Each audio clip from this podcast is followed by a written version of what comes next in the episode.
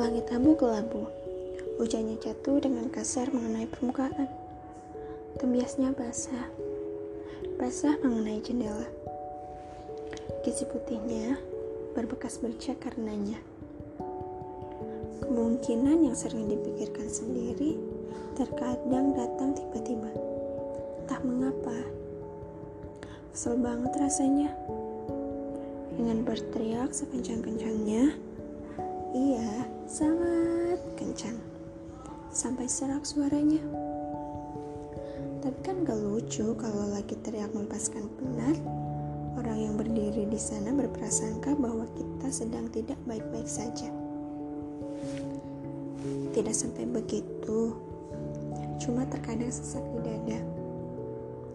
Cukup, syukuri, terima dan ikhlaskan semuanya masih ada hari esok perlu terburu-buru. Nanti jatuh terjerembat sakit. Pelan-pelan hati-hati.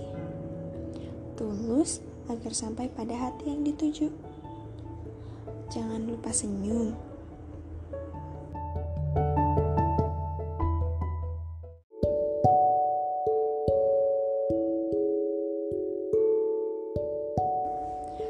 Beriku kabar baik tentangmu.